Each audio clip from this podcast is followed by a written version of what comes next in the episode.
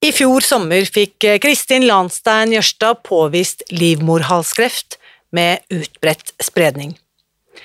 Trebarnsmoren nektet å godta legens dystre prognoser, og i dag får du høre hva hun gjorde for å ta tilbake kraften i sitt eget liv.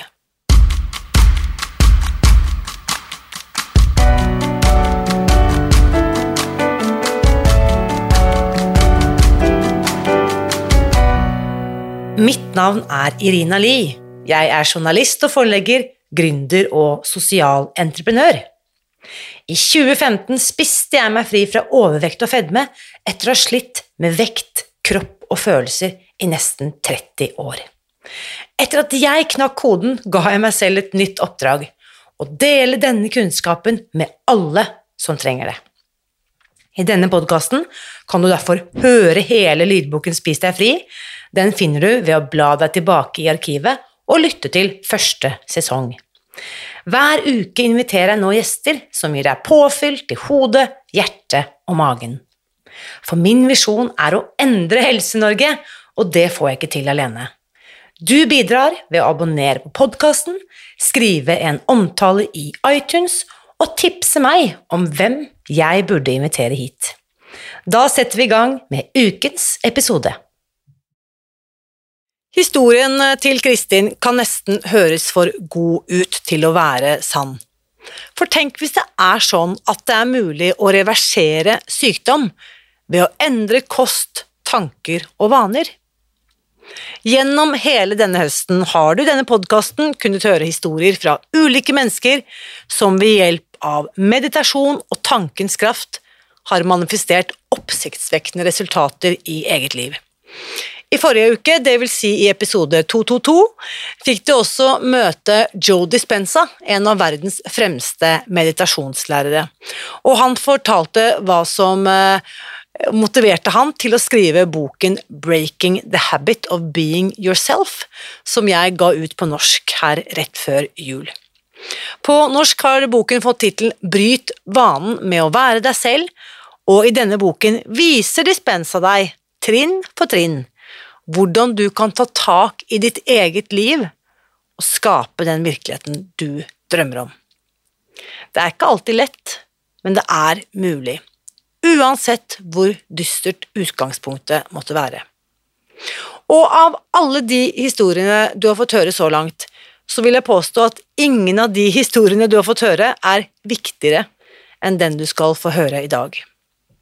For meg er eh, Kristin et bevis på hva som er mulig når vi tar radikalt ansvar for vårt eget liv. Hvis vi våger å tro at ingenting er umulig, kan selv den eh, dystreste prognose motivere oss til å finne frem til håpet og gi næring til det som inspirerer oss. Så nå i dag, når julekvelden er her, så håper jeg Kristins historie kan inspirere og motivere deg til å ta godt vare på deg selv gjennom disse juledagene og inn i det nye året. Her er ukens gjest. Kjære Kristin, velkommen til podkasten. Ja, tusen takk. Det er helt fantastisk å være her. ja, Det er jo rett og slett helt virkelig at du sitter hos meg her nå på kjøkkenet vårt. På kjøkkenet ditt, ja. på Nesjnes. Ja. Altså, vi har jo akkurat møtt hverandre for ca. ti minutter siden. Ja. Fortell, um, for meg som ennå ikke har rukket å bli kjent med deg, bortsett fra vår vanvittige telefonsamtale her forleden kveld, men fortell litt om deg selv, Kristin. Ja, jeg er gift med fantastiske Einar og har tre veldig flotte barn. De er 11, 12 og 14 år gamle. Og så er jeg jo utdannet sykepleier, da, intensivsykepleier, og så kom jeg ganske fort over i ledelse. Så fra 2005 så har jeg jobbet med det, eh, og har liksom hatt et slags brennende engasjement for å legge til rette for at eh, folk skal kunne blomstre og gjøre jobben sin. Veldig opptatt av arbeidsmiljø og, og hvordan vi kan gjøre hverandre gode og utfylle hverandre med ulike kvaliteter og egenskaper. Og så endte det opp med at jeg tok en master i verdibasert ledelse. For jeg er så veldig liksom selvutnevnt verdinerd. Hvem er jeg, og hva er viktig for meg, og hvem er du, og hva er viktig for deg? Det er ikke noe rett og galt i det, men det er viktig å liksom kunne lytte innover for å kunne forstå utover, på en måte. Eh, Så da ble det en naturlig eh, vei å gå. Og så ble det coachingutdanning eh, for å bli enda flinkere. Er det sånn NLP? Nei, det er var Coaching Academy, og så har jeg tatt eh, Learn Coaching med TNG Coaching. Fantast, antageligvis den beste, ja, beste selvutviklingsprogrammet jeg har gått på noen gang. Learn Coaching. Ja. Eh, og så det, men det handler egentlig litt om å bli ordentlig god på dette med å lytte. For vi er liksom, hodet vårt er fullt med så mange tanker og inntrykk, og vi tror vi forstår og vet kanskje best på vegne av andre, ikke sant? Og så er det noe med å virkelig trene seg på og klare å gå ut av det for å være til stede og lytte helt ekte. Være ekte til stede i møte med mennesker, og det er en skikkelig treningssak. Mm. Og det var jo først og fremst egentlig for å kunne være en, en bedre leder, da. Og sånn at jeg kunne ta vare på medarbeiderne mine, for hva er viktig for dem, hva trenger de for å trives. Eh, Da får vi et godt arbeidsmiljø, da får vi bedre kvalitet, da tør vi å snakke om tingene som vi trenger å snakke om for å ha det bra sammen. Eh, Og så gikk jeg da over fra ledelse til HR. De siste par årene har jeg jobbet med det. Så For du er på, på visittkortet ditt så står det HR-direktør. Ja, det gjorde det helt da inntil eh, sommeren 2022. Så fikk jeg påvist livmorhalskreft, stadium 4. Eh, og det ble jo en bråstopp i hva jeg kan kalle en eh, ganske høy, høy, høy frekventert eh, sentrifuge av noe slag. Ikke sant? Hverdagen var hektisk, og det var mye med tre barn. og Både jeg og mannen min har jo veldig spennende, men da også tidkrevende jobber. ikke sant?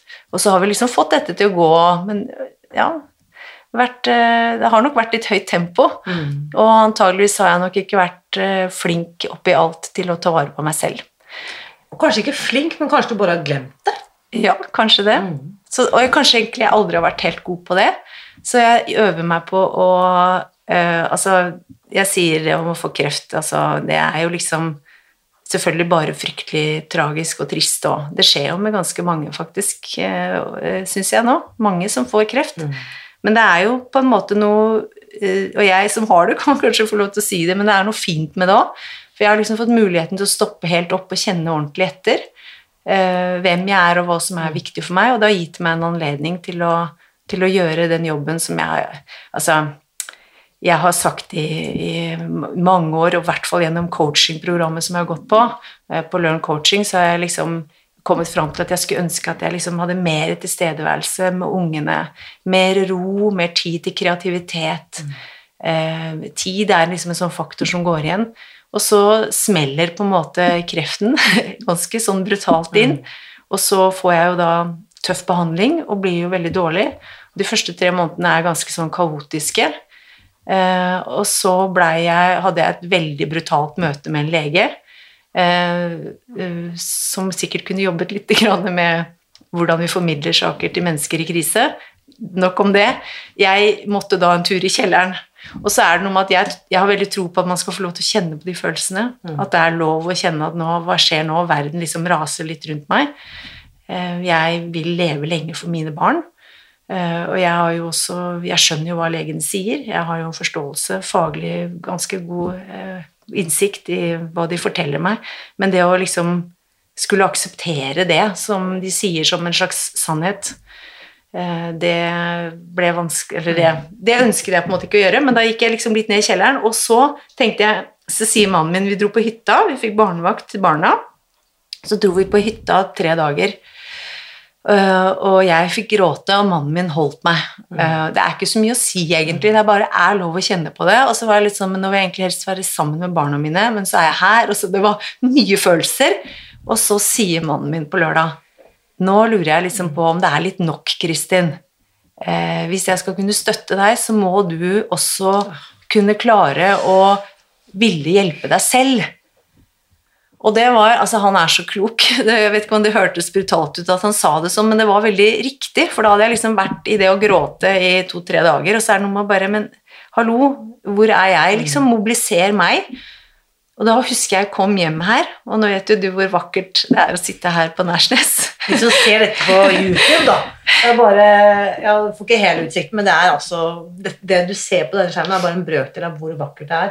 Det er helt utrolig vakkert. Ja, og da oppe i andre etasjen så er det også et sånt vindu hvor jeg sitter og jobber litt med meg selv med denne utsikten.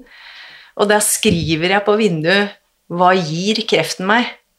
Wow. Det er jo en selvcoaching, på en måte. Den, det, det vet du, det er interessant skulle si. Det, den teknikken lærte jeg på Når det, dette spilles inn, så lærte jeg Ja. den teknikken for tre dager siden. Er det sant? Ja. Hva gir det som på en måte Ja, er ja, Hva gir for, kreften? for hva gir kreften meg? Og vet du hva som kom opp da? Den gir meg jo tid. Mulighet for å være til stede. Rom for, Wow. altså når jeg har overskudd, rom for kreativitet. Så jeg fikk opp gule lapper på vinduet oppe, og så sitter jeg tilbake og så ser jeg på det, og så bare Men dette er jo det jeg har bedt om. Altså, En kreften, en gir, liksom. meg, kreften gir meg jo det jeg på en måte har bedt om. Uh, og jeg må si at det da, og da fikk jeg en veldig stor altså hva skal man si, eh, innsikt eller en sånn forsoning. Uh, aksept for at eh, Ikke for, eh, for prognosene til legene, men en aksept for situasjonen og tillit til prosessen. For det er, dette er noe Altså, jeg tror at det er noe jeg skal få ut av dette og lære ut av dette, og nå har det gått ett og et halvt år snart, eh, og jeg er fremdeles på vei. Jeg har masse å lære, men jeg har ikke hatt overskudd til å lese eller søke kunnskap, og det jeg leser er bare trist, så jeg må holde meg langt unna, men jeg har, som jeg ser på det, så mange gode hjelpere rundt omkring, venner som plutselig sender en liten melding eller en podkast podcast eller en messenger eller, ikke sant? Og så plutselig så kan det komme flere meldinger, og, mange, og jeg klarer ikke å følge opp, men plutselig så treffer de, eller det er gjenklang. Den har jeg hørt før. Mm. Så har jeg litt sånn kjemobrain, så jeg husker dårlig. Men plutselig så liksom, det er tredje gangen, er det ikke det? At noen nevner dette. Ja, ja, Da må jeg fange det opp. Da må jeg lytte. Så dette med å være åpen, nysgjerrig, lytte. Hva er det, intuisjonen min, ikke sant? Hva sier liksom hva, det, hva kjennes riktig for meg nå? Eh, og bruke tid på det. Og det er jo noe av dette jeg da jobber med. Wow. Ehm, og så må vi jo da, sant, sommeren 2022, når dette sendes, det er på selveste julaften 2023, Ja. da har du hatt bursdag dagen før, for Ja. du fyller år 23. Ja. desember. ja. Hvor gammel er du da blitt? Da blir jeg vel 46, eller? Ja. Så vi spiller inn denne episoden noen få dager før din 46-årsdag, Mm. og jeg vet at du har ambisjoner om å bli 89, 87. 87, ja, Ja. Mm -hmm. Um, jeg kan ikke skjønne at ikke du skal bli 87. Det skal, selvsagt skal du det. Jeg tror kanskje at du kan ta på litt, dra Ja, på litt kanskje 89 var riktigere. Kanskje 89 var riktigere. Ja. Men jeg må bare Fordi jeg har jo Hvordan skal jeg si dette? Jeg er ikke så veldig opptatt av å være politisk korrekt, det er ikke det som er poenget, men jeg er opptatt av å ikke støte folk fra meg. Mm. Forsøke å, å kommunisere på en måte som kanskje kan invitere folk inn, fremfor å skape polaritet. Og noe av det vi skal snakke om i dag, det vet jeg er kontroversielt. Fordi vi er, lever i et samfunn, vi lever i en tro som sier at kreft er lik I hvert fall en viss type kreft er lik den sikre død. Mm. Og det kommer du nå til å påstå at kanskje ikke er helt sikkert, og flere med deg som også sier det. Så bare til de som nå allerede kjenner at dette her lugger litt, dropp denne episoden. Det er masse, Vi er på episode 223, det er 222 andre episoder hvor man kan høre på andre ting. Mm. Men hvis du som hører det, tenker at ok, dette her er kanskje litt utenfor boksen, så bare fortsett å lytte. For det er faktisk, tenker jeg også, man trenger ikke å ha kreft heller for å få utbytte av den livsvisdommen og de Nei. innsiktene du har fått. Helst ikke. Helst ikke. Helst ikke. Tenk om man kan gjøre disse tingene som jeg sier til mannen min. Kunne gjort det uten å få kreft. Uten å få kreft. Ja. Og da vet jo du som meg at det er en annen som sier nøyaktig det samme. Du kan velge å forandre deg ut ifra to stadier. Enten ut ifra liksom despair, eller liksom desperasjon, fordi at tragedien i livet ditt, sykdommen, dødsfallet, krisen, skilsmissen, ulykken, gjør at du ikke har noe valg enn å forandre deg. Litt sånn som du beskriver. Mm. Eller du kan velge å forandre forandre deg ut fra en state of joy and inspiration. Ja. Dette er jo selvfølgelig Joe Dispenza. ja. Og det er jo egentlig linken til hvordan du Jeg må jo si du finner meg, men det er Ja. ikke egentlig helt sant, det heller. For det går jo via mange rare, Fletter seg sammen. rare flettinger av mennesker og hendelser og tilsynelatende tilfeldigheter. Mm. som kanskje ikke er helt tilfeldig likevel, da. Men eh, fortell, hvordan er det du oppdager Spis deg fri og denne Ja. parallelle virkeligheten her? Ja. Jeg tror at du har helt rett i at jeg står jo i det du beskriver som det derre første perspektivet. eh, Despair. Jeg har blitt kastet inn i en livskrise. Og så tenker jeg at jeg ønsker å kunne appellere til de i toeren. Jeg ønsker å kunne hjelpe folk nå til å ta tak eh, ut ifra joy, da. Eh, og det er jo derfor det var helt fantastisk at du ville komme hit i dag, for det var jo litt sånn som ble inngangen nå. Eh, at eh, jeg har Jeg må nesten ta oss litt tilbake i tid, tror jeg. Absolutt. Eh, fordi at eh, jeg har fått noen meldinger underveis i løpet mitt av disse gode hjelperne, som jeg kaller de, både i forhold til eh, kosthold, biopati Altså, jeg følger jo legenes anbefaling om den tradisjonelle medisinske, konvensjonelle behandlingen med cellegift og stråling og sånne ting. Det, det jeg ble litt overrasket over, var at det var ingen som sa noe om hva kan du gjøre selv? Eh, og når jeg spør hva kan jeg gjøre selv, så sier jo de på Radiumhospitalet, eh, og det er jo altså ordrett, liksom. Nå må du nyte livet. Altså, drikk vin, spis sjokolade, potetgull, kos deg, liksom. Det er liksom Og det er på en måte en sånn sug på den livskaramellen. Så mye du kan av det siste du har igjen. Dra på en siste reise. Hvis du har et sted du har ønsket å dra til, så må du dra dit nå. Eh, altså som en bucketlist. Og etter det har jeg både vært i, i Spania og på seilbåttur og i Italia og ja. Så eh, jeg tenker at eh, den siste turen min er ikke tatt ennå. Men det er noe med at jeg, jeg syns den skolemedisinen har på en måte en eh, Dette er et opplegg de har, men de har jo heller ikke knukket kreftgåten heller. Altså det er jo en slags X-missing link. Og så begynner disse småhjelperne mine å sende meldinger. Hei, Kristin, har du liksom Har du snakket med biopat? Eh, tar du kosttilskudd? Jeg må, bare, jeg må skyte inn et spørsmål. Ja. Du er da eh, straks 46 du er 40, La oss si at du er 46, da. Ja. Hvor alternativ har du vært tidligere, Kristin, for å kalle det det? Alle de andre Ja. som ikke er innen Helse-Norge, er jo alternativ, ikke sant? Um, så med tanke på at du er sykepleier i bånn, du har jobbet som intensivsykepleier ja. Skjønner du hva jeg mener? Hvor, Ja. hvor utpå der eh, ute i randsonen har du vært forut for dette? Nei, altså dette er litt vanskelig, eh, fordi at jeg har, eh, jeg har jo en veldig sånn forankring i den tradisjonelle troen, ikke sant, og er jo vokst opp, og, og vokst opp med det, men også jobbet med det. Jeg har jo en mor som er sykepleier, jeg har liksom, ja, jeg har, dette er ganske sånn forankret, at man lytter til legestanden, det er de som vet. Eh, Evidensbasert behandling. ja, fors- ikke sant? Og så, er, og så er det noe med at når vi beveger oss over i dette, så er dette er det ikke så lett å forske på heller, for det er så mange ting kanskje som slår inn samtidig, da. Eh, men jeg har nok eh, alltid hatt en slags eh, åndelig og spirituell eh, eh, Altså for meg selv, da, privat. Jeg har jo venner som er veldig kristne og, og sånn, og jeg sier at jeg har min barnetro, liksom. Eh, Jeg har ikke noe behov for å verken forklare eller forsvare den, men jeg har hatt en sånn indre ro eh, om at det er noe større enn oss hele veien. Eh, Så når Joe Dispenza da har meditasjon og snakker liksom til dette som er litt større enn deg selv, så passer det veldig fint for meg at det er noe utenfor. Det er noe større, liksom. Mm. Uten at jeg har hele forståelsen av det, da. Men i forhold til helsefeltet også, for øvrig, typ sånn Har du gått til biopat før? Nei. Nei. Jeg har, jeg, altså jeg har vært hos, eh, jeg har vært hos en, en sånn naturmedisiner en gang før og fikk noen dråper av homopat. Homopat, ja. Ja, Mm. og tenkte liksom bare dette er jo bare tull. ja. Ja. Ja. Ikke sant? Tok noen dråper på tunga og liksom var litt sånn Dette er jo bare rare greier. Eh, og, og fulgte ikke opp det, egentlig. Kunne være at jeg kanskje skulle ha gjort det den gangen da, for jeg, jeg beskrev det jo som en opplevd ubalanse i kroppen. Og jeg tror jo, og det sa jeg første gangen jeg var 19 år, at jeg kjenner at kroppen min er i ubalanse. Jeg får utslett og sånn. Og da, da sa legene at du er liksom allergisk mot varme kulde. Altså, eh, det heter fysikalsk urtikaria. Og så sier jeg jo, men jeg kjenner liksom at kroppen er i ubalanse. Så jeg, jeg husker at jeg opplevde at dette skiftet skjedde liksom i kroppen min.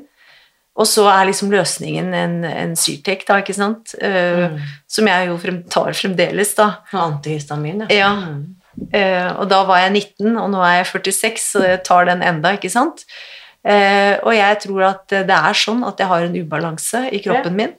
Uh, og gradvis da mellom disse små hjelperne mine som liksom Hva skal man gjøre? Det, på en måte så er det litt sånn når, når lege Altså når legene er så tydelige på, på at jeg skal dø, da. Det ringte faktisk en lege og sa eh, Kristin, da satt jeg på bussen, jeg hadde aldri møtt han før. Eh, er det greit å prate? Ja, selvfølgelig, det er greit å prate. Du, jeg forstår det har vært litt vanskelig kommunikasjon. Og så sier jeg vanskelig kommunikasjon. Ja, eh, jeg har lyst til å invitere deg til et møte på mandag, og så skal jeg vise deg bildene av kroppen din, og så skal jeg fortelle deg at det er flere grunner til at du skal dø av dette. Halleluja. Og da spurte jeg liksom ja, ok, eh, skal du være til stede i dette møtet da? Altså For det første kjenner jeg meg ikke igjen i at det har vært vanskelig kommunikasjon, men jeg har vel kanskje stilt noen spørsmål, eller vært eh, eh, Kanskje jeg har til og med grått litt når de forteller at du skal dø, liksom. Jeg tenker at det må man nesten kunne forvente, og jeg, det må de nesten tåle. Uh, utover det har det ikke vært noe. Så jeg, dette kjente jeg meg ikke helt igjen i, men det er greit nok. Jeg hører hva de sier. Ja, jeg kommer på mandag. Han lovte å være der, men det var han ikke. Da var det en ny lege. Men da hadde jeg forberedt meg litt, uh, så jeg sa liksom før vi begynner Jeg har tatt med et bilde av hvordan jeg egentlig ser ut, meg og barna mine. Jeg vil gjerne si litt om hvem jeg er. Dette er mitt møte. For da er du på en måte look-alike altså Ja, det, kreftpasient, ja, ja, ikke sant. Mm. Da er det Kristine Koht og jeg kan nesten ligne litt, ikke sant, med sånn steroidehode. Man blir jo rund i Sånn ansikt. Ja. Mm. Eh, Jeg må bare si, skyte inn her nå, jeg beklager avbrytelsene, men ja, jeg tenker med å skri, beskrive litt bilder for de som ikke ser det på YouTube. Når jeg sitter her foran deg, Mm. de er, jeg er ett år eldre enn deg, eller to år eldre enn deg faktisk. Mm. Du ser, det er ikke tegn altså Når jeg ser på deg, du har flott hår, ikke sant? Ikke sant? masse farge i ansiktet, du ser supersprek ut. Jeg tenker du kunne løpt en halvmaraton i morgen hvis du hadde tatt på deg løpeskoene. Så det er ikke mulig å se på deg at du er syk. Nei. Men for to år siden, eller halvannet år siden så var du der at Ja. du ville gått i kategorien døende ja, i januar, altså det var faktisk under et år siden. Ja, januar 23. Mhm. I januar 23 Ja, lå jeg fire uker på Radiumhospitalet. Det var vel min sepsis nummer syv, eller? Eh, I forbindelse med cellegift. Eh, etter cellegiften så fikk jeg altså en nyrebekkebetennelse som ble en blodforgiftning, da. Eh, og da lå jeg inne i fire uker på Radiumhospitalet og, og svevde vel litt mellom liv og død. Jeg husker faktisk at jeg tenkte Einar hadde vært der med ungene, og hans, Einar satt jo der på dagtid med meg. Eh, og han hadde vært der med ungene, og så hadde han dratt, og så tenkte jeg faktisk at eh, nå klarer ikke kroppen min noe mer. Da jeg er så sliten, kroppen min er så sliten at nå er den har gjort jobben sin. Og på en måte så blir det litt sånn den Altså kroppen min og jeg, men eh, sjelen min og så har vi kroppen, og så liksom kjente jeg at nå kroppen er klar for å gi opp. Og da, den natta la jeg meg, eller sovnet jeg til tanken om at det jeg kanskje var mitt siste møte med barna, men jeg, jeg eh, kjente ikke på noe uro heller knytta til det. Det var en ro, en slags forsoning med det òg. Men da trodde jeg faktisk egentlig at, eh, at jeg skulle dø. Og så våknet jeg jo neste morgen og så tenkte jeg, ja, ja, da var ikke tiden min kommet ennå, da. Og så var det jo faktisk sånn at vi klarte ikke å slå ned eh, vi klarte ikke å slå ned infeksjonen med antibiotika. Jeg gikk vel på fem typer forskjellige antibiotika på et tidspunkt, og så sa jeg at jeg må hjem. Eh, og så det var det helt sånn tilrådelig, kanskje, men de sa det er greit, og, og jeg fikk en permisjon, og så kom jeg tilbake igjen, og da hadde prøvene bedret seg. Og så sa jeg, ser dere, jeg må hjem. Jeg blir syk, og jeg beklager, men jeg blir syk av å være her. Så, ja, så innmari klokt og modig at du tør å ta dine egne avgjørelser. Ja, jeg, jeg syns at det er ganske vanskelig, faktisk. Altså, altså, det er hyggelig at du anerkjenner det. eh, For da gikk det noen dager, og så sa legen at det, det funker i hvert fall ikke det vi gjør her, så vi stopper nå stopper vi bare all antibiotikaen, og så ser vi hvordan det går. Så stoppet vi all antibiotikaen på en torsdag, og så dro jeg hjem den helga, kom tilbake på mandag, og da var prøvene veldig, veldig, veldig, veldig mye bedre. Og da sa jeg, ser dere, som jeg sier, jeg må hjem. Og da var jeg tre dager til, og så reiste jeg hjem. Og da siden har jeg ikke vært lagt inn, faktisk. Og nå er vi i desember 2023, og Og da var eh, hovedtumoren min, altså livmoren, var blåst opp til en sånn svær ballong. Den var i utgangspunktet 12 ganger 8 cm stor. Eh, det er jo en, eh, en test fra 2018 som er feiltolket, ikke sant? så den hadde jo rukket å Så du hadde egentlig fått påvist kreft Du kunne fått påvist kreft i 2018 Ja. når den var bitte liten? Ja, for da, ja da, og da ville en konisering vært øh, Tilstrekkelig. Yes. Eh, men da fikk jeg skreket meg til en laparoskopi, og da sa de at eh, Jeg sa til og med 'ta det vekk', for jeg kjenner at noe er feil. Og jeg har fått tre barn, og eh, da- Nei, For det kan jo være litt sånn avveiing hvis og jeg sa nei, Mm. jeg har ikke noe behov for det, liksom. Um, Jeg hadde så mye trøbbel med blødninger og smerter, og, uh, og da sa de vi setter inn en spiral, og så hormonspiral. Det er jo også kreftforebyggende, sa de. Så det var bra. Og så sa de jo vi fjerner ikke friske organer. Så en laparoskopi, bare for de som mm. Det betyr da. Da går de inn gjennom navlen, og så titter de, liksom, og så tar Ja. de prøver på en måte fra innsiden. Så det er jo, altså, hva mer kan du gjøre, liksom, når du har fått skreket deg til, som jeg sier, en laparoskopi, og, og de går inn og ser og sier at alt er normalt, og så putter man inn en plugg, da, og liksom sier at Og da stoppet jo blødningene, faktisk, så man har liksom på en måte For meg, jeg opplever det da som at man liksom stoppet det, og så har det bygd seg gått oppover da, istedenfor, ikke sant? Så da gikk det opp i livmoren, og så har det på en måte, som legen sa, det velter ut i bekkenet, og så var det disse beskrivelsene da, men jeg har sagt at jeg ønsker ikke å se noe bilde, for jeg trenger ikke den Nei, manifesteringen. Mm. Jeg hører hva dere sier, og jeg forstår det, og jeg har ikke noe problemer med å, å Altså hvis de trenger en aksept, jeg har ikke problemer med å akseptere at det er som det er, men den eh, utgangen på det, eh, som de jo da kommer fram til etter hvert, på at eh, det er liksom Det er veldig dårlig prognose, da, når du har metastaser helt opp til hit, eh, altså på halsen. Du vil si spredning, da? Eh, eller Ja, sånn. spredning i Mm. lymfeknuter. Men det sitter bare i lymfesystemet mitt, ikke i noen organer. Så jeg syns Kaller den jo for Otto. Og, de, og metastasene For Otto er ikke slem, vet du. Og så metastasene er ottiser.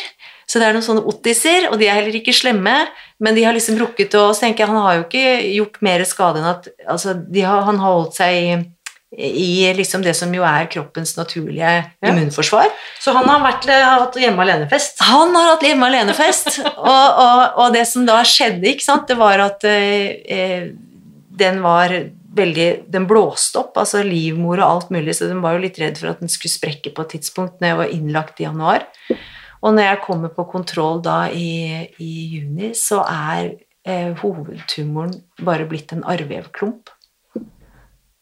Og det sa de jo at det var litt overraskende. Det kunne de jo ikke egentlig helt forstå. Forklare, nei. Nei. Så fra januar til juni så sier du at hovedtumoren er blitt en arrvevklump. Mhm. Um, du Så den på 12-13 ganger 8 cm er liksom bare blitt en liten klump. Jeg Ja. kjenner den jo faktisk eh, når jeg beveger meg. Altså, Ja. den dytter på blæra litt sånn. Så den er jo blitt en klump. Og så Ja. ligger ottisene igjen, da. Nettopp. Ja. Og bare du, nevnte jo eh, tidligere sant, at du, denne eh, diagnosen det er det de definerer som stage 4, eller stadium, stadium 4 på norsk. da. ja. Hvor mange stadier finnes det? Eh, tre. Altså fire, da. Altså tre til. Én, to, Ja. tre og fire, Så fire er den dårligste. den dårligste. Ja, enda jeg prøvde å si det er vel verre hvis det var metastaser til hjerne eller lever, eller, men det er visst sånn at når den har brutt noen barrierer og blitt Ja. metastaser sånn, så er det liksom fire. Ja. Og bare sånn ifølge legevitenskapen, kan vi da Mm. si, da, for å kreditere da legevitenskapen Når man har fått en kreftdiagnose på stadium 4, hva slags overlevelsesprognose er det da? Eh, altså jeg har fått, faktisk fått en uh, uttalelse på det, da. Fordi det er jo blitt en pasientskadesak, selvfølgelig, og da må de inn og gjøre en sånn. Så da uh, er Med en konisering i 2018 så står det liksom at det ville med så stor sannsynlighet vært en 100% kurasjon da. Og nå er det uh, 30% sjanse for at jeg lever etter fem år. Ja. Så, Fra, fra tidspunktet diagnosen ble ja. Ja. Så da sommeren 2022, så da er det lite sannsynlig, eller ikke veldig sannsynlig, da. 30 mm. 70 ja, ikke sant? Mm. Så det du da gjør For du, fra å ha blitt plassert i det jeg tenker baksetet på ditt eget liv, Ja. og takket være også din kloke, kloke mann, Einar, Ja, som sier er til deg sant, hva kan du gjøre selv, ja. og da pluss alle disse de du refererer som gode hjelpere, ikke sant? inkludert biopaten din og andre, hva gjør du da fra du kommer hjem på perm i januar 2023? Ja. Hva slags tiltak er det som iverksettes her? eh, Og det er kjempekult. Ja, for det første var det et veldig fint bilde, og jeg kjenner meg veldig igjen i det å føle at man sitter i baksetet. Egentlig i baksetet med lua i, i fanget. Ja. Sånn skikkelig sånn til å gå fram. Dette er min reise, liksom. Min Sette prosess. bak Sett i bak rattet igjen. Og jeg, jeg måtte gjennom disse Jeg tror det at ting skjer for en grunn, og jeg måtte nok igjennom disse litt tunge prosessene for å liksom virkelig få eierskap til dette. Og disse gode hjelperne som liksom stadig er tålmodige med meg og sender noen påminnelser om har du, har du egentlig undersøkt, har du sett den filmen Fri fra kreft, har du lest Kelly Turner, Radical Remission?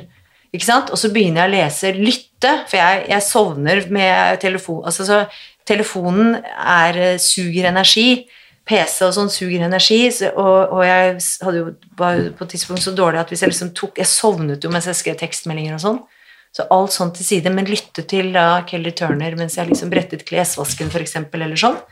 Og det er jo en bok som virkelig bringer håp. Altså hun har jo liksom snakket med kreftoverlevere. eh, Kelly hva- Turner, hva heter boken hennes, sa du? eh, Radical Remission.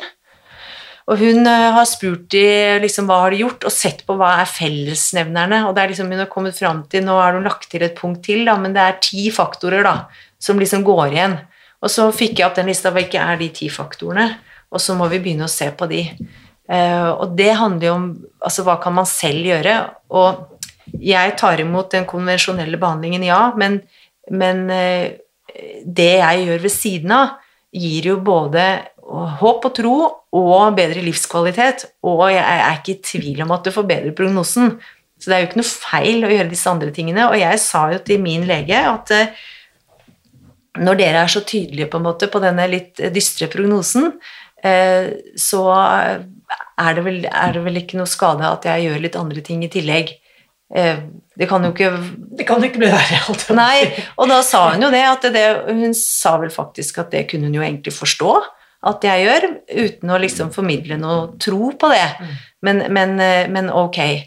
Uh, og da jeg, fikk jeg også sagt at ettersom jeg da ikke på den samtalen, men neste samtale For nå har jeg klart å uh, jobbe meg fram til å ha én lege. Uh, Så jeg får en lege som følger meg, det er jeg veldig takknemlig for. Hun er kjempedyktig og veldig åpen og god dialog med henne. På Radiumhospitalet. Ja. Og nå har jeg fått en fast en på Drammen også. Som kan, men det tok liksom et år før det landa. Men nå har jeg fått to leger som jeg har tillit til, og som ser meg, syns jeg, og lytter, og det er veldig gøy. Og på Radiumhospitalet da, så har jeg sagt til henne at jeg da, siden jeg går til biopat og tar jo da litt forskjellige kosttilskudd og sånn, så syns jeg det har vært spennende å følge med på litt ekstra prøver for å liksom Bare så ikke jeg gjør noe feil, da. Ikke gjør det verre. Det satt litt langt inne, men jeg, har, jeg, men jeg får nå da en, en liten utvida blodprøvetest hver tredje uke når jeg får behandling, for å se at jeg holder ting. Eh, magnesium, eksempel. Legen sa Jeg kan jo si med en gang at jeg vet du er lav på magnesium. Og så sa jeg det at ja, jeg tar jo magnesiumtilskudd, så jeg er jo ikke det. Ikke sant? Eh, men da, men det var da, i hvert fall, det, oppe på bordet Jeg ønsker å gjøre ting i tillegg, og da begynte det. Ordentlig. Når jeg fikk denne legen på Radiumhospitalet, og etter at jeg var ferdig utskrevet da, i type februar, da var det å friske opp igjen Jeg hadde begynt med biopatien rett før jul, og så ble jeg så dårlig av nå at jeg måtte, klarte ikke å forholde meg til noe annet enn bare å være. Kom jeg hjem og ble mobilisert og startet da på protokoll fra min biopat. Den er ganske omfattende. Vi snakker flere sider med, ja, med, med ulike preparater. Yes, jeg, Ja. jeg fikk jo se den her i stad. Ja. Mm. Og så uh, selvfølgelig et kosthold. Altså, jeg skal ikke drikke vin og spise sjokolade og potetgull. Um, det er jo nesten som å liksom grave uh, graven. Det er ikke nødvendig. Så, så er jeg heldig jeg har en mann nok en gang, da, som er bare si at du er veldig diplomatisk, eh, Kristin. Ja, syns du det? Ja, uh, ja. Eh, nå- må bare avbryte igjen. Ja. Ikke nødvendig at du skal stå og grave din egen grav. Nei, det er jeg helt enig i. Ja. Ja, og beklager, mannen din. Mm. Nei, nei altså mannen min han er, han er veldig flink på kjøkkenet. Og han er vokst opp med en mor som har tilrettelagt for vegetarkost og lavkarbokost og vegankost, og hun gjør liksom det sånn som om det er en lek. Jeg tror ikke det er det. Jeg tror hun legger veldig mye arbeid i det, men det ser veldig ut som hun liksom bare gjør det. Og Einar er litt lik. Så han liksom bare skaper mat og er veldig interessert i mat. Og vi gjorde et eh, Jeg gikk ned 20 kilo i 2013 etter å ha født tre barn. Eh, Ønsket, villet. villet. Villet Jeg gjorde en kjempeinnsats Ja. Fra 1. januar og til jeg leverte masteren min på verdibasert ledelse. Da hadde jeg født eh, datteren minste da et halvt år før. Og gikk ned 20 kilo, og så begynte jeg å jogge. Eh, og da la vi om kostholdet vårt ganske bra. Da. Så jeg tror det også har hjulpet å holde Otto litt i sjakk. For vi gjorde ganske til å, Fra liksom å være litt, litt sånn klassisk vestlig kosthold, vil jeg kanskje si, hele tiden, til å være ganske strenge og flinke i uka og kose oss litt ekstra i helgen Ja. ganske flinke i uka og kose oss litt ekstra i helgen. Og sånn klarte jeg å holde da de 20 kiloene. Har ikke gått opp igjen de eh, eh, kiloene der. Sånn at når vi da får dette kortet kreft på bordet, eh, og Einar har lest, så han leser har lest eh, forskning og bøkene om eh, kampen mot kreft eh, eh, av han Øyvind, Øyvind Torp, er det den heter? ja, det er ikke det? Jo. Mm. Eh, han har, og vi har den boka i hylla her, og jeg også titter i den, men jeg, som sagt, jeg har, jeg blir, jeg har blitt plaga med fatigue, så jeg blir så veldig sånn trøtt av lesing og skjerm og sånn, så jeg lytter jo mest. Men, men Einar har vært flink, så da er det liksom Hva slags regime skal du ha? Og så lager han mat som passer til det. Wow. Ja. Og i begynnelsen så gjorde han alt. eh, og så har jeg blitt sterkere. Jeg har blitt empowered på en måte, til gradvis selv, og han er flink, for han sier 'Kristin, nå tenker jeg kanskje du kan'. Mm. Så han pusher meg litt, vennlig pushing, og så tar jeg gradvis mer og mer kontroll selv. Eierskap. Yes, til egen situasjon. Så nå er det ikke han lenger som trenger å tilrettelegge. Nå kan jeg selv eh, fasilitere kosten min. Jeg vet hva som er bra, og hva som er dårlig. Og det til, fra å være meg, da, som er vokst opp med liksom, Det er ikke noe feil med det, men tomatsuppe Toro, ikke sant? Eh, eller fiskegrateng. Eh, eh, så er liksom det å nå bare altså, frese opp løk, god olivenolje, masse hvitløk, surre fra bunnen med, med buljong og vann og Det er jo ikke så vanskelig, egentlig. Og det er fast food, det jo. Ja. Det tar jo seriøst ikke Ja, lenger tid å surre sammen. Altså Einar gjør og så er det middag på et kvarter da, til alle fem, og alle behov er ivaretatt. Og da spiser jo ikke jeg poteter, eksempel, men jeg spiser blomkål istedenfor. Ja. Så karbohydrater er ut, og sukker er ut, og kaffe er ut, og alkohol er ut, og, og så, ja, så gradvis da, så, så har jeg fått et kosthold nå som jeg tenker at eh, jeg sikkert burde hatt i utgangspunktet, med mer grønt og eh, ja, mindre av det som kroppen egentlig ikke trenger. Eh, og jeg har det veldig bra med det. Nå har jeg jo, eh, gikk jo ned veldig mange kilo når jeg var syk i januar, utover de 20 som jeg tok i 2013. Eh, Så nå, ja, ja, men det er blitt, jeg har stabilisert meg. Jeg blir ikke noe tynnere nå. Og, det, og jeg er ikke så veldig opptatt av det, det heller. Jeg ville helst hatt et par kilo til. Jeg Ja. spiser jeg litt mye nøtter. Blitt veldig glad i nøtter. Så nøtter er liksom min måte å holde meg eh, Både kose meg litt, eh, men også for å liksom holde vekta litt. Få igjen nok energi. Ja. Mm. Og det, jeg jeg tenkte på denne bilen for det høres ut som kanskje du satte deg i hvert fall i passasjersetet med Einar bak rattet. Yes. Men nå hører jeg at Einar faktisk liksom ja. Kristin, nå er det på tide at du tar over her. Og det var fint. Mm. Litt sånn. God presisering. Så han også kan sitte litt som Fra baksetet, mm. og så hoppet jeg foran på høyre side, Ja. og nå har det skjedd et skifte. Så Ja. nå sitter jeg selv og kjører bilen. Jeg går nå selv til legesamtaler, og han er med på de viktigste, men i begynnelsen så Jeg klarte jo ikke å følge opp samtalene. Jeg kunne sovne i møte med legen. Jeg, jeg husket jo ingen jeg, jo, jeg har fremdeles en Jeg har jo ikke hukommelse. Så Alvin, min sønn da, på elleve år, kunne liksom kaste opp på morgenen. Og jeg, altså, fordi han tok Tranasol, da. Noe, det er tran med Sanasoli som apoteket nå har plutselig begynt å gi i pilleform. Vi prøvde det. Han likte det ikke, kastet opp. Så det var ikke sykdom. Eh, men allikevel, han brakk seg og var liksom eh, Han eh, han er veldig til stede i egen kropp, da, for å si det sånn. Så jeg sto og strøk han på ryggen og ga han liksom litt omsorg i dette. Og så kommer de hjem fra skolen og snakker om det. Og da husker jeg altså, Hva snakker har, har du kasta opp i dag? Og han bare Men mamma, du sto jo med meg. Ja. Og så kan man spørre liksom hvor ofte skjer det. Det vet jo ikke jeg, for jeg husker, husker det jo ikke. Mm. Så, det er jo, det er, altså, så den hukommelsen min er rett og slett så jeg må skrive hvis det er noe viktig. Og jeg skriver dagbok på telefonen min, og så har jeg begynt med en bok, eh, nå en sånn takknemlighetsbok, hvor jeg skriver refleksjoner etter meditasjonene. For det var jo det som skjedde etter eh, kost.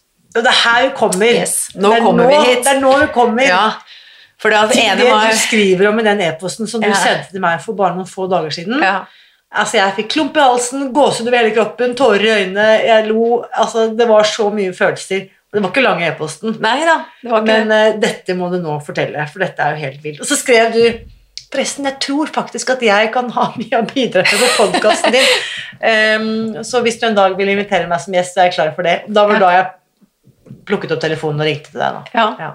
For da, da var det jo egentlig sånn at jeg, jeg holdt på jeg, jeg, jeg prøver å være litt kreativ. Det er jo noe av det jeg liksom, Når jeg har litt overskudd, så prøver jeg å, å sy, skape. Enten strikke eller, eller sy. Det er de to tingene jeg gjør. Og så hadde jeg tenkt at nå skulle jeg eh, sy litt. Jeg hadde litt overskudd, og, og jeg gikk opp da for å sy, og så sto jeg og skulle stryke, liksom, og så da lytter jeg. Det er da jeg lytter til Kelly Turner og alle disse tingene her. Og så, og så um, eh, Og Terje Toftnes og eh, det som fins av sånne type ting på og podkaster, da. Og så kom da altså denne podkasten med deg og Torkil Færø på Forrige uke. forrige uke Forrige opp som en sånn Nei, unnskyld, to uker siden. ja, mm. for man kan si hva man vil om sånne Hva heter disse her eh, algoritmene som ligger inne for å Så tydeligvis da så er det jo et eller annet den har funnet ut at jeg er interessert i, for den popper liksom opp på min Instagram, og jeg er ikke veldig ofte på Instagram, men den kom opp, og så tenkte jeg hm, jeg lytter ikke på noen bok akkurat nå, jeg er akkurat ferdig med en bok. Eh, kanskje jeg skal lytte på den podkasten. Og så er det deg med Torkil som snakker om Joe Dispenza, og for meg ble det helt vilt. Fordi at i tillegg til å jobbe med kosten, så er det jo liksom en sånn slags åndelig og spirituell reise som skjer parallelt. Eh, som handler om meditasjon og sånn. Og det begynte vel egentlig med at en venninne av meg som heter Lillian, som jeg møtte på en sånn eh, Løren hadde en sånn eh, alumni, og så hadde jeg overskudd til å være med på den. Det var i våres. Var, da var jeg egentlig også fremdeles ganske dårlig, men jeg var der, og så fikk jeg dele rom med hun Lillian, en god, veldig hjertegod venninne av meg. Eh, og da hadde jeg nemlig hørt om pulskuren, og jeg aner ikke nå hvorfra, men så hadde hun med den boka til Torkil. Og så da tenkte jeg bare Hæ? Altså, dette, nå er det noe som snakker til meg, dette må jeg følge opp. Fortell meg mer om denne boka. Og så endte jeg opp med å kjøpe boka selvfølgelig til Torkil, og da selvfølgelig en Garmin. Eh, og da var det det selvfølgelig igjen feil eh, versjon, for jeg får jo ikke denne HRV-en. Oh, ja. eh, som jeg jo selvfølgelig er veldig nysgjerrig på. Altså, så det spørs om ikke det på januarsalg eller noe blir en oppgradering, for jeg, jeg følger jo veldig nøye med. Jeg synes jo det, For dette åpnet jo Så det begynte jo med det, for da begynte jeg å kartlegge hvordan er dagen min, hvordan ser det ut. Altså, situasjoner som jeg trodde jeg liksom slappet av i, viste seg at var stressende for meg. Og, og, og kanskje det er positivt stress, men, men da må jeg liksom forstå det sånn at eh, da gjør jeg kanskje ikke noe annet den dagen. Så det det jeg har funnet ut, er at jeg klarer én med det energibatteriet jeg har nå, og selv om jeg ser helt eh, frisk ut og, og har energi, håper jeg, i møte med deg, så er det nok sånn at når du reiser nå, så er jeg tappet resten av dagen. Men det er det verdt. Eh, og, men det som er viktig, er å vite det. Sånn at ikke jeg da legger opp til å møte noen etterpå igjen. ikke sant? Så det jeg har funnet ut, er at når jeg skal ha sosiale sammenhenger, så er det liksom to til tre timer. Og da har jeg satt en grense, og det har vært så fint for meg som har vært litt dårlig på å være selvivaretagende, å kunne si at jeg ser på klokka mi nå Uh, altså Jeg har fått masse støtte da, i dette verktøyet ved å si at jeg har litt lite batteri.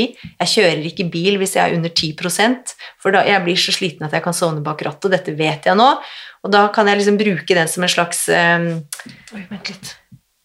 Ja, se der, du.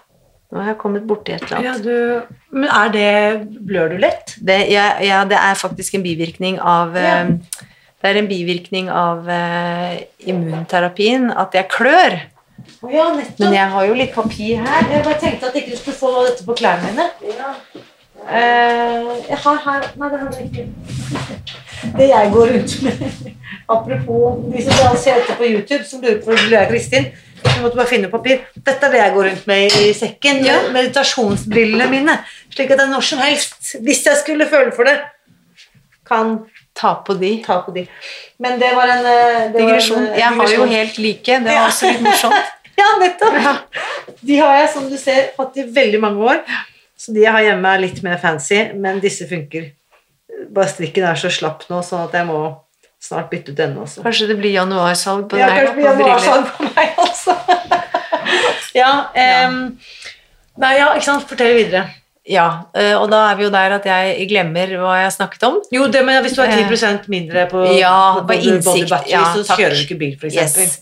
Og da så jeg eksempel at hvis jeg er sammen med min svigerinne, som jeg jo er veldig, veldig glad i, eh, og eh, en av de som jeg jo har valgt å være sammen med, for det å kutte ned, altså det fra å ha flere hundre venner til å liksom nå ha noen, de som gir energi, være sammen med, jeg har fått en veldig, veldig liten sirkel, for jeg har ikke overskudd til å eh, å være ivaretagende overfor alle andre. Jeg har liksom på en måte mer enn nok med meg selv. Men svigerinna mi er jo en av de som jeg eh, får energi i møte med og er veldig glad i. Vi strikker litt og prater og koser oss. Og, men jeg så at jeg bruker faktisk ganske mye batteri når jeg er sammen med henne. Eh, Og da tenker jeg det er vel positivt stress, da. Men det er jo en innsikt, sånn at når jeg liksom velger å være sammen med henne, så er det liksom Da er det kanskje det jeg gjør den dagen, da. Istedenfor å tenke at nå er jeg jo noe som jeg syns er hyggelig, for det er det jeg egentlig føler og tenker, eh, og så strikker jeg strikken for langt, for da kan jeg jo plutselig være slått ut i flere dager. Nettopp. Ikke sant? Det er litt som å føle meg som bakfull uten å ha drukket, hvis du skjønner. Eh, Så hvis jeg strik, strekker den strikken for langt, og denne altså Torkil sin eh, kunnskap og den boka og innsikten jeg har fått med det, har gitt meg eh, muligheten til å kontrollere og følge med på livet mitt på en helt annen måte. Eh, og jeg har klart å gå fra ha Altså, det var høyt stress. Jeg har nok vært i sympatikusmodus i mange, mange år, ikke sant? Eh, tror ikke jeg nesten vet om jeg klarer å liksom switche over til parasympatikus-modus, på en måte. Og så jobber jeg liksom med hm, aktiviteter etter klokken åtte. Nei, jeg tar ikke telefonen. Altså Hvis pappa ringer meg klokka ni, og jeg tar den telefonen, så ser jeg at det gir stress inn i natta. Så etter åtte så tar ikke jeg telefonen. Eh, Da er den på lydløs, eh, og helst ikke, bør helst heller ikke være på noe nett eller sånn på, på telefon. Eller um, iPad eller sånn. Og så har jeg funnet ut at jeg skal ikke spise etter sju. For å få best mulig søvnkvalitet. Det er jo da kroppen min restituerer. Søvn har vært kjempeviktig for meg. Redusere stress for å få god søvnkvalitet. Og så, og så kom det en fugl inni der, så da datt jeg jo ut igjen, selvfølgelig. Jeg tror den fløy ut igjen. Men, eh, men øh, eh, Jo, at jeg har øh, jobber med god søvnkvalitet, og da liksom spise, ikke spise etter klokka sju, ikke aktiviteter etter åtte, og det gjelder også sosiale aktiviteter, så etter åtte da må jeg liksom begynne å forberede meg på kvelden. Og så har jeg da etter hvert denne høsten klart å få inn litt meditasjon også på kvelden når jeg legger meg. Og det er jo her eh, det er jo her jeg har eh, det, Kanskje det største grepet jeg gjorde, var jo etter sommeren å begynne med Joe Dispenza, Yes. som jo kommer og legger seg på i tillegg. For da har du kosten, så har du Torkil, og så kommer Joe Dispenza, sendt i en tråd på Messenger fra en eh, fantastisk eh, venninne som heter Eline, som sier 'Har du sjekket ut denne?' Og så har ikke jeg overskudd til å gå ut og søke Altså meditasjon, ja, det har jeg tenkt på lenge, og jeg har prøvd noe, eh, men jeg har liksom ikke funnet noe som virker for meg. Og tenkte jeg, nå tar jeg bare denne til mitt hjerte. Det er helt sikkert en mening med at jeg fikk den. Nå skal jeg følge opp dette. eh, Og begynte da 3. januar med å bade hver dag. Men da starter jeg Først starter jeg med 3. januar, sier du? Nei, nei 3. september. 3. Unnskyld. Takk. Beklager. Nei, nei. 3. september, da er, har minstedatteren min bursdag. Da begynte jeg med å eh, starte dagen med infrarød sauna. Samme venninne Eline som foreslo det. Den kjøpte vi bare. Eh, og da sitter jeg altså i Og da bare for de som ikke vet det, det er rett og slett på en måte enmannstelt. ja, som er Og det koster, det koster litt, det koster noen tusen, Noen tusen. men ikke sånn uendelig Nei, investering. Og så sipper man opp en sånn glidelås. Jeg har sett det sånn, jeg har vurdert det flere ganger. Ja. Og så sitter man inni et sånn badstuetelt med Ja. hodet utenfor. ja. Da kan du Har du hendene ut? Du kan ha hendene ut hvis du vil det. Jeg har de inni. Eh, og det blir ganske intens varme da, og jeg svetter jo ut toksiner. Dette tror jeg er kjempebra. Og så lukker jeg da øynene og lytter til Joe Dispenza. Så har du han her på Oh, yes. hodetelefonen. Oh, yes. Sitter du i tillegg med sånne briller på, Eh, eller vet du jeg har ikke behov for det, for jeg, han tar meg ut Ja. in space. In In space? space. og da, da tenkte jeg at ja, ja, og det er jo YouTube, og det er litt sånn, det hakker litt, og det er litt sånn, så jeg tenkte det er vel liksom sånn, men øh, nå prøver jeg dette, og jeg tror det er noe med å være litt konsistent òg. så jeg tror det er et poeng at du liksom følger det litt. Um, så da, 3. januar, 3. september. Nei, unnskyld, 3. september, huff a meg. 3. september, inn i denne boksen, zippet opp, lytte til Joe Dispensas morning meditation, eh, tar meg out in space, og jeg eh, liksom beskriver det jeg ikke ønsker å være, og, og gir jo slipp. Og da legger jeg det i Og da har jeg ofte hånda ut, av, venstre hånda ut av denne, dette teltet. Og så når jeg da, han sier sant, hva er det du ikke ønsker å være, på en måte, det legger jeg i den hånda. Og i begynnelsen så la jeg kreft der, liksom. Kreften. Men nå legger jeg liksom at jeg tar ansvar for alt. Eh, At jeg tenker at jeg ikke er god nok. At jeg er lat og feit og alle disse tingene som liksom er sånne sannheter som jeg liksom har trodd på hele livet om meg selv. At jeg ikke holder egne avtaler. Altså avtaler som jeg lager med meg selv. Jeg er veldig opptatt av å ivareta andre, men hvis jeg blir enig med meg selv om et eller annet jeg skal gjøre, første jeg stryker, er det. Hvor- Nei, slutt med det. Når jeg blir enig med meg selv om noe, så skal jeg holde avtalen med meg selv. Så nå har jeg begynt å legge sånne ting i den hånden, og så sier han jo 'let go'.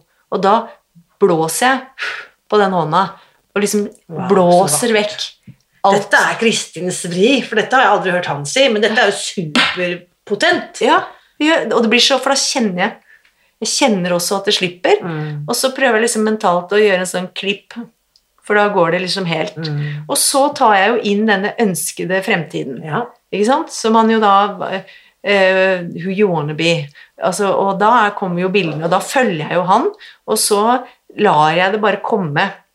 Da kommer det Først er det å skape følelser, og jeg gråter. Og jeg går helt inn i det. Mm. Virkelig.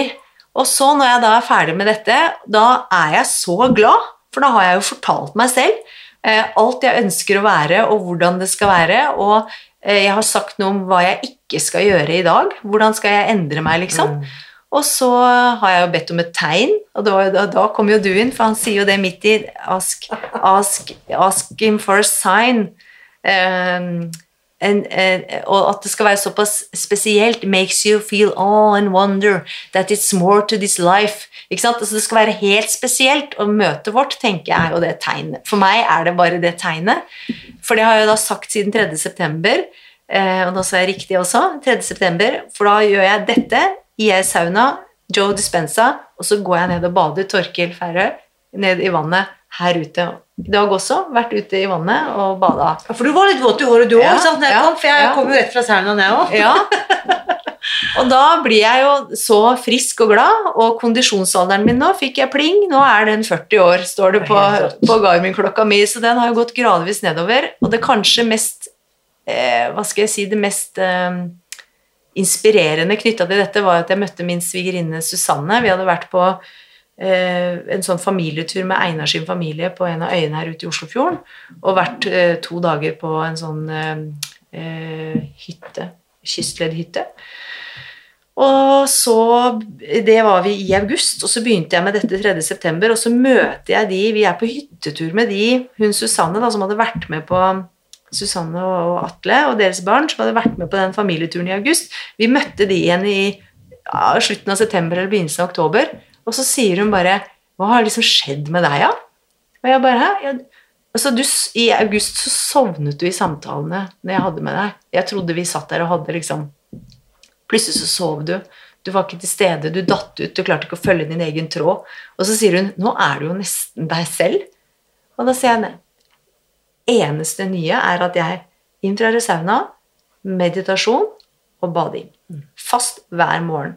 That's it. Og hun bare Hva enn du gjør, det virker. Altså, og da måtte jeg grine litt. Det er kjempesterkt.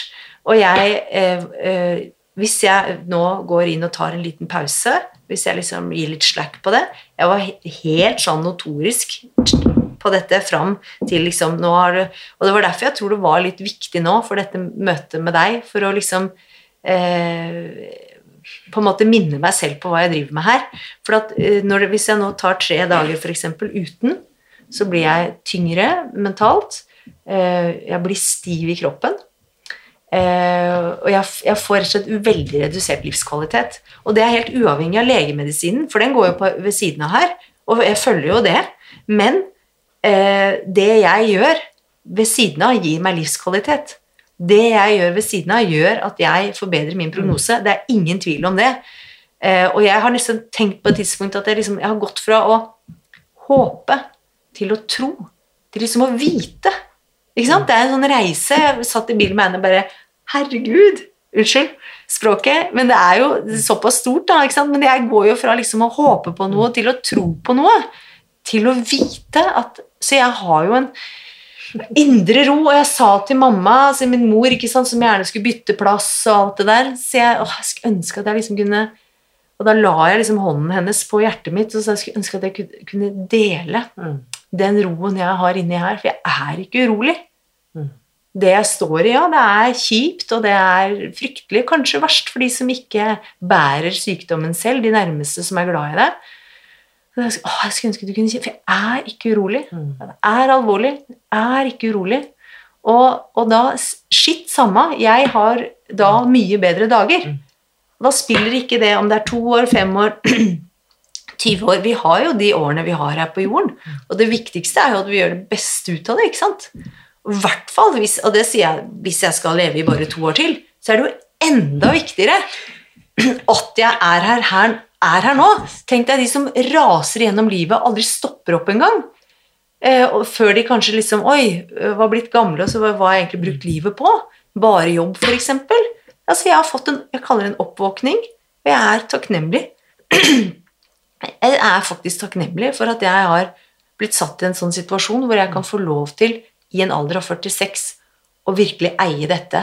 Og nå jeg kan, Barna kommer hjem fra skolen, jeg passer på da. Jeg bruker jo nå formiddagen min på dette.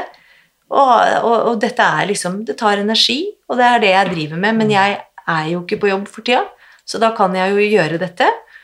Eh, og så når barna da kommer hjem fra skolen, så passer jeg på at jeg har hvilt, sånn at jeg kan Ja. ønske de velkommen. Det har jeg, jo aldri, jeg har aldri vært hjemme når de kommer hjem fra skolen.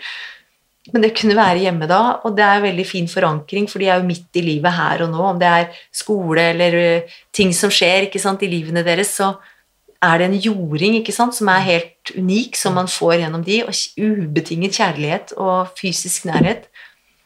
Og sønnen min sant, som hele fjor høst gikk tur med meg hver dag. Enda jeg nesten ikke klarte å gå, så var han og tassa rundt med meg og prata om livet og alt mulig. Jeg tenker at jeg er så takknemlig for at jeg har eh, fått muligheten til det. Og, og, mamma og jeg også, tenker jeg, vi har alltid hatt en veldig god relasjon, men nå har vi liksom kneppa det opp, altså. Vi snakker om ordentlig dype Utfordrer litt. Eh, eh, kaller det jo for arvesynder, ikke sant. Det er ikke sånn at eh, det er utelukkende gjennom jobb jeg som menneske får anerkjennelse for at jeg er god nok. Så nå, og det er jo, har jeg kalt en identitetskrise. For når man har liksom levd et liv som jeg har med Altså, det har jo vært eh, mye jobb, da. Og jeg har jo gjort mye eh, spennende og fått mange muligheter. Eh, så er det liksom plutselig rart å, å ta vekk den store delen av Det har liksom fått altfor mye plass i min identitet, i hvert fall. Og, hvem, da står man og jeg som er så verdibevisst og selvutnevnt verdinerd og sånn, men hvem er jeg egentlig? Sant? Vi presenterer oss med 'Hei, jeg heter Kristin. Jeg er HR-direktør', eller 'Jeg er daglig leder på et sykehjem', eller Ikke sant? Eh, Det er det første man sier, og nå er det liksom sånn 'Ja, hei, jeg heter Kristin, og jeg er jo ikke på jobb'. Eh, Så jeg sier, og en veldig, fikk et forslag fra en person som sa du kan jo si at du gjør jo det viktigste man kan gjøre i livet, jobbe med deg selv. Takk skal du ha. Så jeg gjør jo det viktigste i livet nå, da, jobbe med meg selv, men det er eh, ja, jeg har kjent på en del Mm. følelser knytta til det, selvfølgelig. Men da sier jeg til mamma jeg prøver å bryte arvesynden her. Jeg er takknemlig for at jeg får den muligheten. Utrolig. Og det er jo da vi egentlig er, eh, er eh, kommet Altså denne høsten da som har vært fokus på dette, og det er dette jeg gjør, og jeg har begynt å skrive, ikke sant, og fått denne helsedagboka til Torkil, og prøver å følge opp den. Må være enda litt flinkere til å legge inn tid om morgenen til å faktisk sette meg ned og gjøre den. Eh, og så eh, har jeg vært litt slack. Altså, jeg er jo bare et menneske. Jula, mye som skjer. Uh, Istedenfor å prioritere å gå ned og bade, så har jeg kanskje prioritert å gjøre noe annet for å være bedre forberedt til noe som skal skje, eller kom, skal møte noen venner. Det er viktigere at jeg har lagd det julekortet. ikke sant? Altså, men det når man har så på en måte samlet sett lite energi, selv om det kanskje ikke virker sånn da, som det jeg har, så er det noe med at uh, noe må vike, da. Og da er det for førjulstida ta meg òg. Så jeg har ikke vært like flink til å bade, f.eks. Kanskje bare fire dager i uka, ikke sju. Eh, og så har jeg tenkt at jeg skal ikke være så streng med meg selv. Men det gjør en stor forskjell. Altså min dag, og da alle andres dag også, blir helt annerledes når jeg får inn dette ritualet mitt. Så da, det er viktig at jeg følger det opp. ikke sant? Og så hører jeg deg, står jeg der, eureka. For jeg trodde jo også han Joe Dispenza, hvem var han? Jeg har aldri googlet ingenting. Jeg har jo bare gjort Du bare hørt jeg bare hørt på bare hørt på den morgenen. First thing you have to do in the morning is do the morning meditation. If you carve out this little Ikke sant? Altså, den har jeg hørt, men jeg, jeg, jeg tenkte kanskje Jeg har sagt til folk at ja, hva, hva slags meditasjon er det, da? Nei, det er jo noe sånt på YouTube, da, som jeg har fått av en venninne, liksom, men jeg har jo aldri liksom Å, det er Joe Dispenza. Altså, jeg, ja. Og så plutselig sitter du med Torkil og snakker om han, og da datt jeg liksom bare av stolen, for det, jeg lever jo Joe Dispenza og Torkil eh, hver dag. Eh, det er livet mitt. Det er, og, og, og dette vet jo du, for jeg sa det til deg her forleden, men den som nå er gjest i podkasten i uken før deg, det er jo Joe Dispenza. Ja, og, helt som jeg møtte i november, og denne episoden ble da sendt. eh, Ja. Den som ble publisert 17. desember. Og det som også er litt morsomt, jeg, jeg planlegger jo for så vidt noen uker frem, vanligvis, men han er da episode 222. Det syns jeg også var litt sånn magisk. Magisk, Og det var ikke jeg klar over når jeg planla at han skulle komme 17. Jeg måtte bare finne en søndag. Så når jeg da kommer og ser at Torkil er episode 221 Johnny Spence er episode 222, og du er nå da episode 223. Det er bra selskap. Å ja. Det, Men, men det som du beskriver, da, og det er jo det, det du også sa, at du først liksom bare tror, og så eh, på en måte nå vet du. Og dette beskriver da i denne episoden som du kommer til å få høre eh, straks. Eh, han sier jo i episoden at vi snakker om det å først believe, og så behave as if. ikke sant? At vi først tror på noe, og så oppfører vi oss som om det er virkelighet, og så at vi faktisk become. Så når du believe at du er frisk, skal leve til du er 87, oppfører deg som om du er frisk og skal leve til du er 87, så er det faktisk det resultatet du skaper. ja, det, det, ja. Jeg, var, jeg var faktisk med min mor på Nobellunsjen her og møtte Berit Reiss-Andersen, og da gratulerte hun meg med at jeg var blitt frisk. og så tenkte jeg bare Ja, altså Ja, ja det, det, det Altså Ja. Takk skal du ha. ja. Ja, det var veldig Det var så flott at hun sa det sånn, fordi, fordi det, det liksom eh, slo over en varm bølge i meg når hun sa det, liksom. Mm. Eh, Og jeg tror nettopp dette her er at identiteter er noe vi For det første er det noe vi blir påført, sånn som du snakket om arvesynden. Vi kan snakke om programmering, vi kan snakke om samfunnet vi lever opp i, troen vi er født inn i, kulturen, familien, bla, bla, bla. Mm. Men så er det også en identitet vi tar på oss, eller blir påført, men også en vi klamrer oss fast i. Så jeg kan jo forestille meg at mange i din situasjon også hadde hatt behov for å holde fast i kreftdiagnosen. Hvis du skjønner hva jeg mener? At det blir en identitet. Jeg er kreftsyk. Mm. Og jeg spør også Jodie Spence om dette, bare for å Ja. recap litt. For jeg spør Jeg har merket meg, sier jeg til han, for du har jo ikke googlet han, men han har jo en helt sinnssyk historie. Blant annet har han gjennomgått en vanvittig eh, ulykke som gjorde at han kom inn på denne ferden. Så sier jeg jeg har merket meg at du aldri lenger snakker offentlig om ulykken. Og jeg skulle jo ikke selvfølgelig gå inn i det, for jeg skjønte at det var noen greier. Så sier han det er interessant at du skal spørre om det. Jeg identifiserer meg ikke lenger med den personen jeg var da. Så helt konsekvens, du hører han ikke når du har sett mange, mange, jeg har sett han live flere ganger. Ja. Hørt han på hundrevis av podkaster. Han snakker ikke lenger om sykdommen eller ulykken. Og det tenker jeg er et valg vi bevisst kan gjøre. Ja.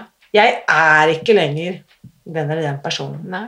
som legene definerte meg som, eller hvem det måtte være. Og så kan jo legene da, som hører på, liksom tenke at dette er eh, det, er, det lander nok sikkert ikke så godt hos Nei, dem. det er klart. Eh, men, men uansett hvordan du snur og vender, du gjør ikke noe gærent. Det går ikke utover noen andre. Jeg får bare bedre livskvalitet. Hver dag er god, så hvorfor ødelegge dette? Jeg, jeg hadde en venninne som hun er veldig sånn eh, god å, å diskutere med. En morsom, spennende venninne. Eh, og veldig god på egentlig å ta ting fra hverandre, og så setter vi det sammen igjen. Og så sa jeg til henne akkurat dette får du ikke lov til å, å pirke borti. For jeg trenger dette. Så utrolig fint at du Mm, stoppet, opp den grensen. ja, stoppet det. Og, men det krever også masse av meg, men dette er jo noe av det jeg jobber med. ikke sant? Hva er viktig for meg nå? Hvis man ødelegger dette, så har jeg ingenting. Mm. Ikke sant? Så det, dette, dette er helt hellig for meg. Mm. Jeg kan godt, Hvis folk spør, jeg deler, men jeg ønsker ikke at dere da Biopati er tull. Det spiller vel ingen rolle om du bader, meditasjon, hva er det, liksom? At du kan bli en bedre versjon av deg selv, eller at du kan altså, jeg, jeg trenger ikke Nei. at folk ødelegger det. Fint. Så jeg bare stopper det. Mm. Og, og det som er en fordel, da, som comes with the territory, innbiller jeg meg, når du på en måte kan slå den diagnosen i bordet, er at da har du noe du skulle ha sagt. Ja. For du kan jo da si at nå er det jeg som bestemmer. Ja. Det er veldig veldig kult at du benytter det på den måten. Men jeg kan også bare legge til, for dette er jo det mest kontroversielle rundt Joe Dispensas metode, at han påstår at folk har ikke sant, gåsehøyne, meditert seg friske fra stage 4 cancer, som man har mange, mange, mange hundre eksempler på, og alle andre sykdommer du kan tenke deg. Og han er jo Han har jo stått i skitten og stormen i flere tiår.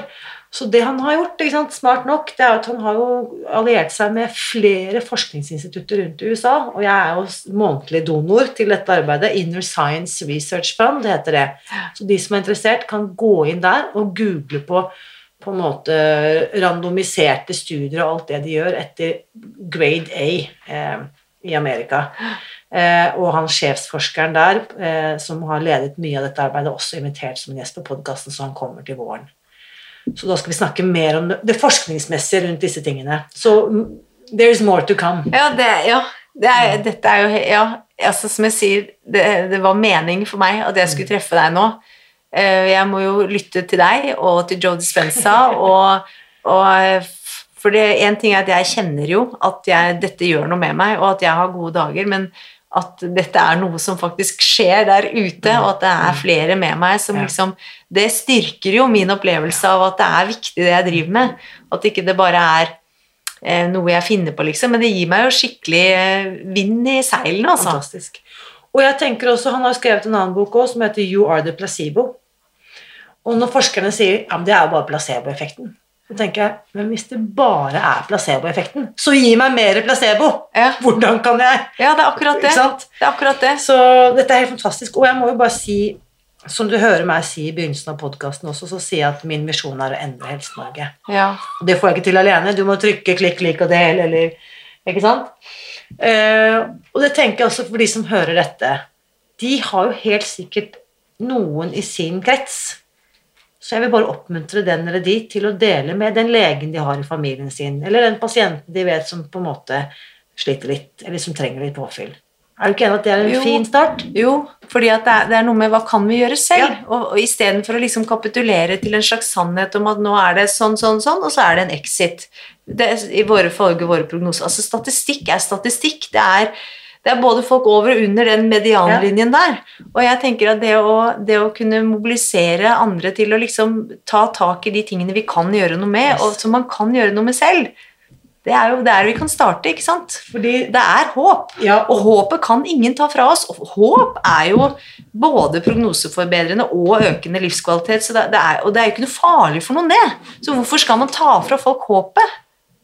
Og det var akkurat dette er så interessant at du sier dette akkurat nå, fordi det du skrev i e-posten til meg, som jeg visste at skulle være tittelen på denne episoden, Mm. det er 'Håp er en menneskerett', Yes. skriver du til meg. Å, nå fikk jeg gåsehud på hele kroppen. Ja.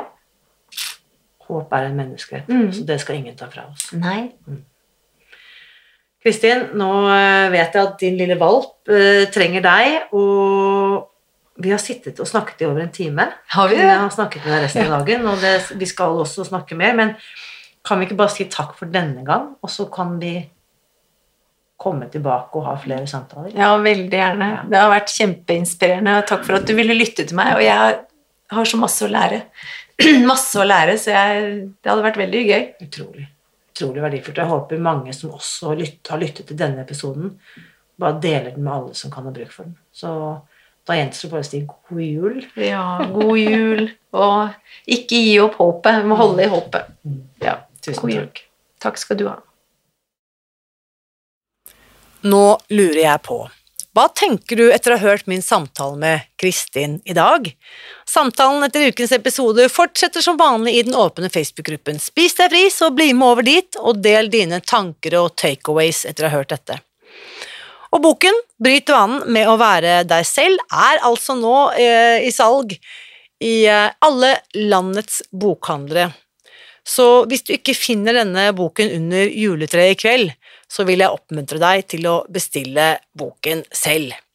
Og da vil jeg også bare minne deg om årets bonusjulegave fra meg til deg. Hvis du kjøper boken nå i desember, enten du bestiller den på Ark eller Nordli eller Akademika eller der hvor du kjøper bøker, eller kjøper den selvfølgelig fysisk i en eh, annen bokhandel og sender kvitteringen for ditt bokkjøp til irinali.no, så gir jeg deg tilgang til den lukkede Facebook-gruppen Bryt vanen helt gratis.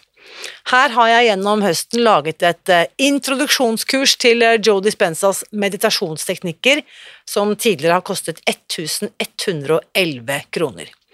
Dette kurset får du altså nå som en gratis bonus ved å kjøpe boken Bryt vanen med å være deg selv, og sende kvitteringen på e-post til meg på irina.krøllalfa.irinali.no. Og la meg da også legge til at eh, det kreves ikke noen som helst forkunnskaper for å begynne med meditasjon. Dette passer for alle, uansett hva slags eh, bakgrunn eller erfaring du måtte ha med disse teknikkene fra tidligere. Det eneste er, hvis du er nysgjerrig, så er det mer enn godt nok. Og det du altså risikerer å få, det er noen teknikker som kan skape store, positive, umiddelbare ringvirkninger i ditt liv sånn som Kristin fortalte om i dag.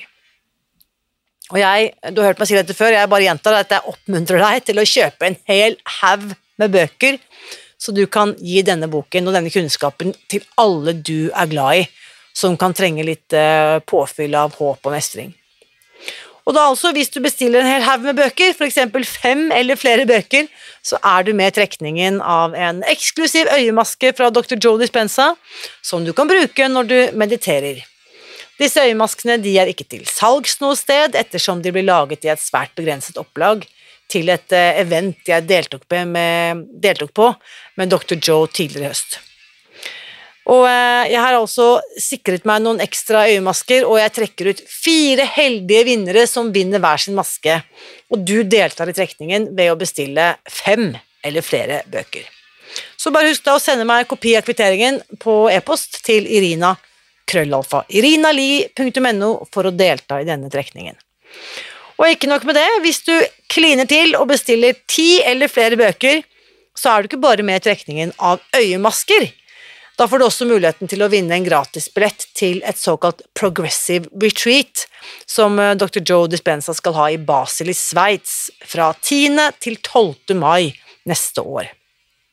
Disse billettene koster bortimot 7000 kroner stykket, og jeg trekker altså ut to heldige vinnere som vinner hver sin billett. Du deltar i loddtrekningen ved å bestille minst ti eksemplarer av boken eh, Bryt vanen med å være deg selv, og jeg kan jo da avsløre at foreløpig er det svært få, det er kun to stykker som har kjøpt ti eksemplarer hver, så her er vinnersjansene svært gode.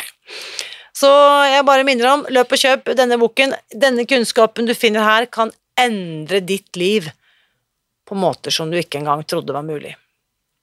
Helt til slutt, uansett hva du velger å fylle denne julen med, så vit at jeg heier på deg. God jul!